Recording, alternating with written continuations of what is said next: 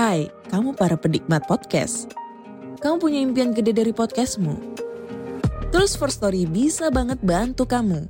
Mulai dari F-Link, Dynamic Audio Insertion, sampai statistik yang komprehensif. Semua ada di First Story. Gak ketinggalan kamu bisa monetisasi podcastmu lewat iklan dari First Story Ads yang bisa kasih kamu penghasilan dari setiap place podcastmu. Yuk gabung sekarang dengan klik di firststory.me. Sekali lagi, klik di firststory.me. Mari kita bawa mimpi podcastingmu menjadi kenyataan.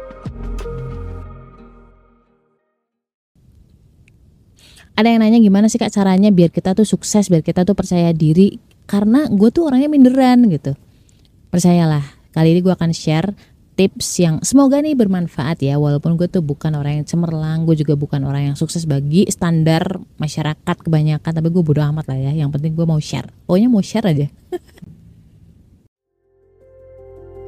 Assalamualaikum Gimana kabar lo? Alhamdulillah Apakah lo lagi ngerasa kesepian? Atau sendirian? Kenalin gue Ria Marliana, teman healing lo di podcast Self Healing. Di sini kita bakal ngobrol bagaimana sih belajar berdamai dengan luka, tentu aja atas izin Allah Subhanahu wa taala. Semoga Allah sembuhkan lukamu, ringankan bebanmu dan kuatkan hatimu. Oke, kembali di tips nyeleneh kembali di tips nyeleneh lainnya yaitu tips cemerlang meski minderan. Tips Dan aslinya watak gue tuh minderan. Kalau lu ngeliat gue pede gitu ya, aslinya gue tuh kadang-kadang berbalik badan gitu ya ampun. Gue tuh nggak ngerasa lebih baik dari dia, dari lo. Gue nggak ngerasa lebih pintar dari lo. Gue nggak ngerasa lebih oke okay daripada orang-orang di luar sana. Ya intinya gue minderan lah. Bahkan sampai saat ini banyak banget uh, di saat gue apply kerja pun gue tuh merasa apa gue cocok ya, apa gue bisa ya, apa gue mampu ya untuk masuk ke sana. Tapi satu hal ketika gue merasa seperti itu gue inget sama Allah. Allah pasti bantu. Kalau emang rezeki gue gimana pun caranya misalkan HRD-nya atau si selektornya atau reviewernya itu akan kayak kesirep gitu terus akhirnya menerima gue ada yang bilang kalau tips tenang dan tips percaya diri adalah dengan mengatakan kepada diri lo sendiri mengafirmasi positif kata-kata gue bisa gue bisa gue bisa gue bisa sampai 300 kali gitu ya. Percayalah gue mencoba dari zaman gue kecil sampai saat ini dan itu tidak berhasil buat saya. Karena apa? Mungkin saking realistisnya gue atau mungkin karena watak gue yang sangat-sangat minderan ya.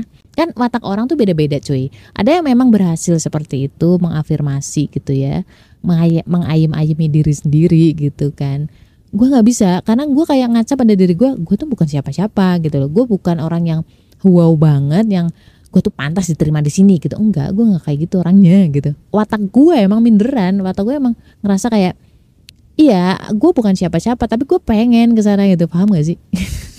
Jadi cenderung karena gue orangnya realistis gue tuh lebih melihat dari data ya. Datanya ada atau enggak. Nah ketika gue mengafirmasi bahwa gue bisa, gue bisa, gue bisa, dasarnya apa gitu kan? Itu bukanlah data fakta, salah. Fakta data, tapi itu sebuah harapan. Enggak salah, enggak salah. Cuman kan rata-rata golongan darah B kayak gue adalah orang-orang yang berpikirnya atau fokusnya di saat ini, di saat sekarang apa yang gue hadapin.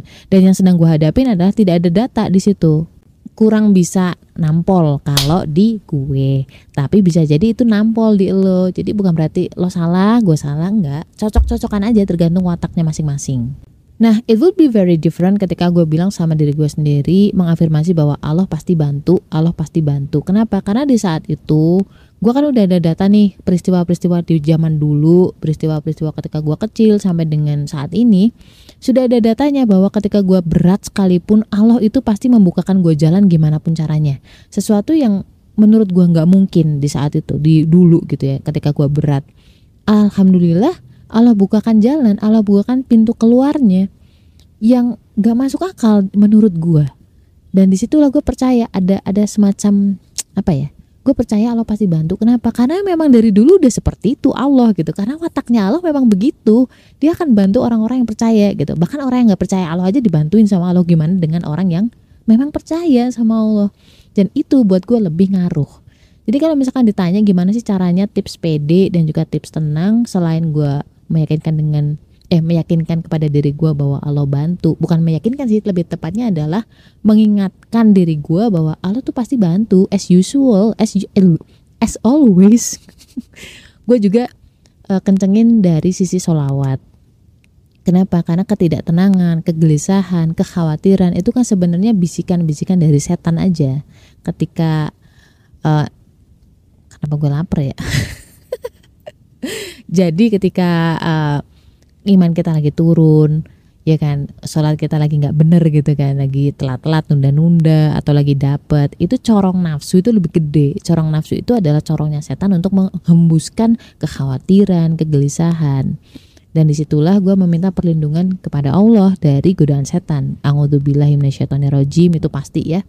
Terus kadang-kadang gue baca ayat kursi habis itu al ikhlas pokoknya dikir pagi dikir petang lah. Di situ kan ada ya dan solawat. Yang pasti solawat sih, yang sangat-sangat ngefek di saat itu. Contohnya gue mau interview nih, gue kan gelisah, khawatir, nervous, minder kayak gitu kan. Dan biasanya gue solawatin. Bukan buat menghipnotis si dia, bukan. Gue tidak menempatkan solawat sebagai mantra ya, tolong. Itu beda case. Tapi gue mencoba bersolawat selain pasti ya untuk mendoakan dan memberikan apa ya mendoakan keselamatan kepada Rasulullah. Tapi juga kita tuh jadi tenang gitu ya kan? Secara jiwa itu kan jiwa kan paham nih oh ternyata dia mengingat Tuhannya nih. Nah pasti jiwa akan nangkep lah jiwa akan tenang. Otomatis automatically jiwa kita yang lagi gelisah ketika dia uh, ingat Allah ingat penciptanya pasti automatically tenang. Ada di surat Ar-Rad ayat 28 silakan dicek ya dibuka itu Qurannya. Jadi kesimpulannya begini, jangan pernah merasa minder karena lu minder apa sih? jangan pernah merasa rendah diri karena lo minderan, oke? Okay? Karena ada nih orang-orang yang memang wataknya tuh minderan, ada yang wataknya itu pede gitu, yakin gitu.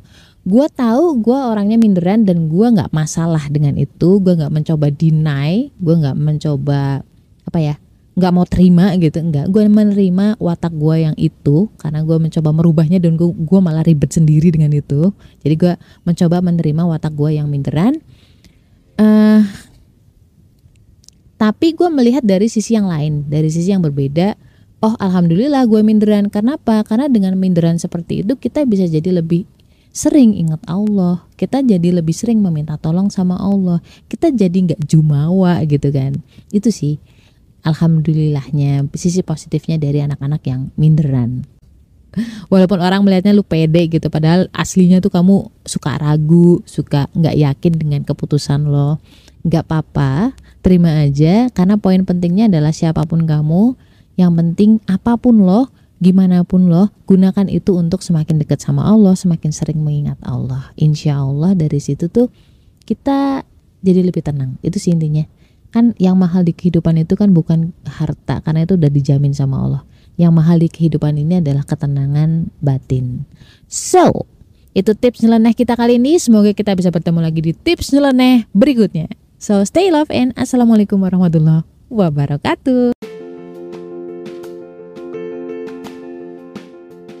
Kenapa sih golongan darah B itu pelupa, susah banget ingat nama? Orangnya juga cuek, nggak pekaan, nggak perhatian. Kenapa coba? Bedah itu semua dari buku cerita tentang karakter golongan darah B dengan judul Beauty in a Beast. Order sekarang, link di bio ya.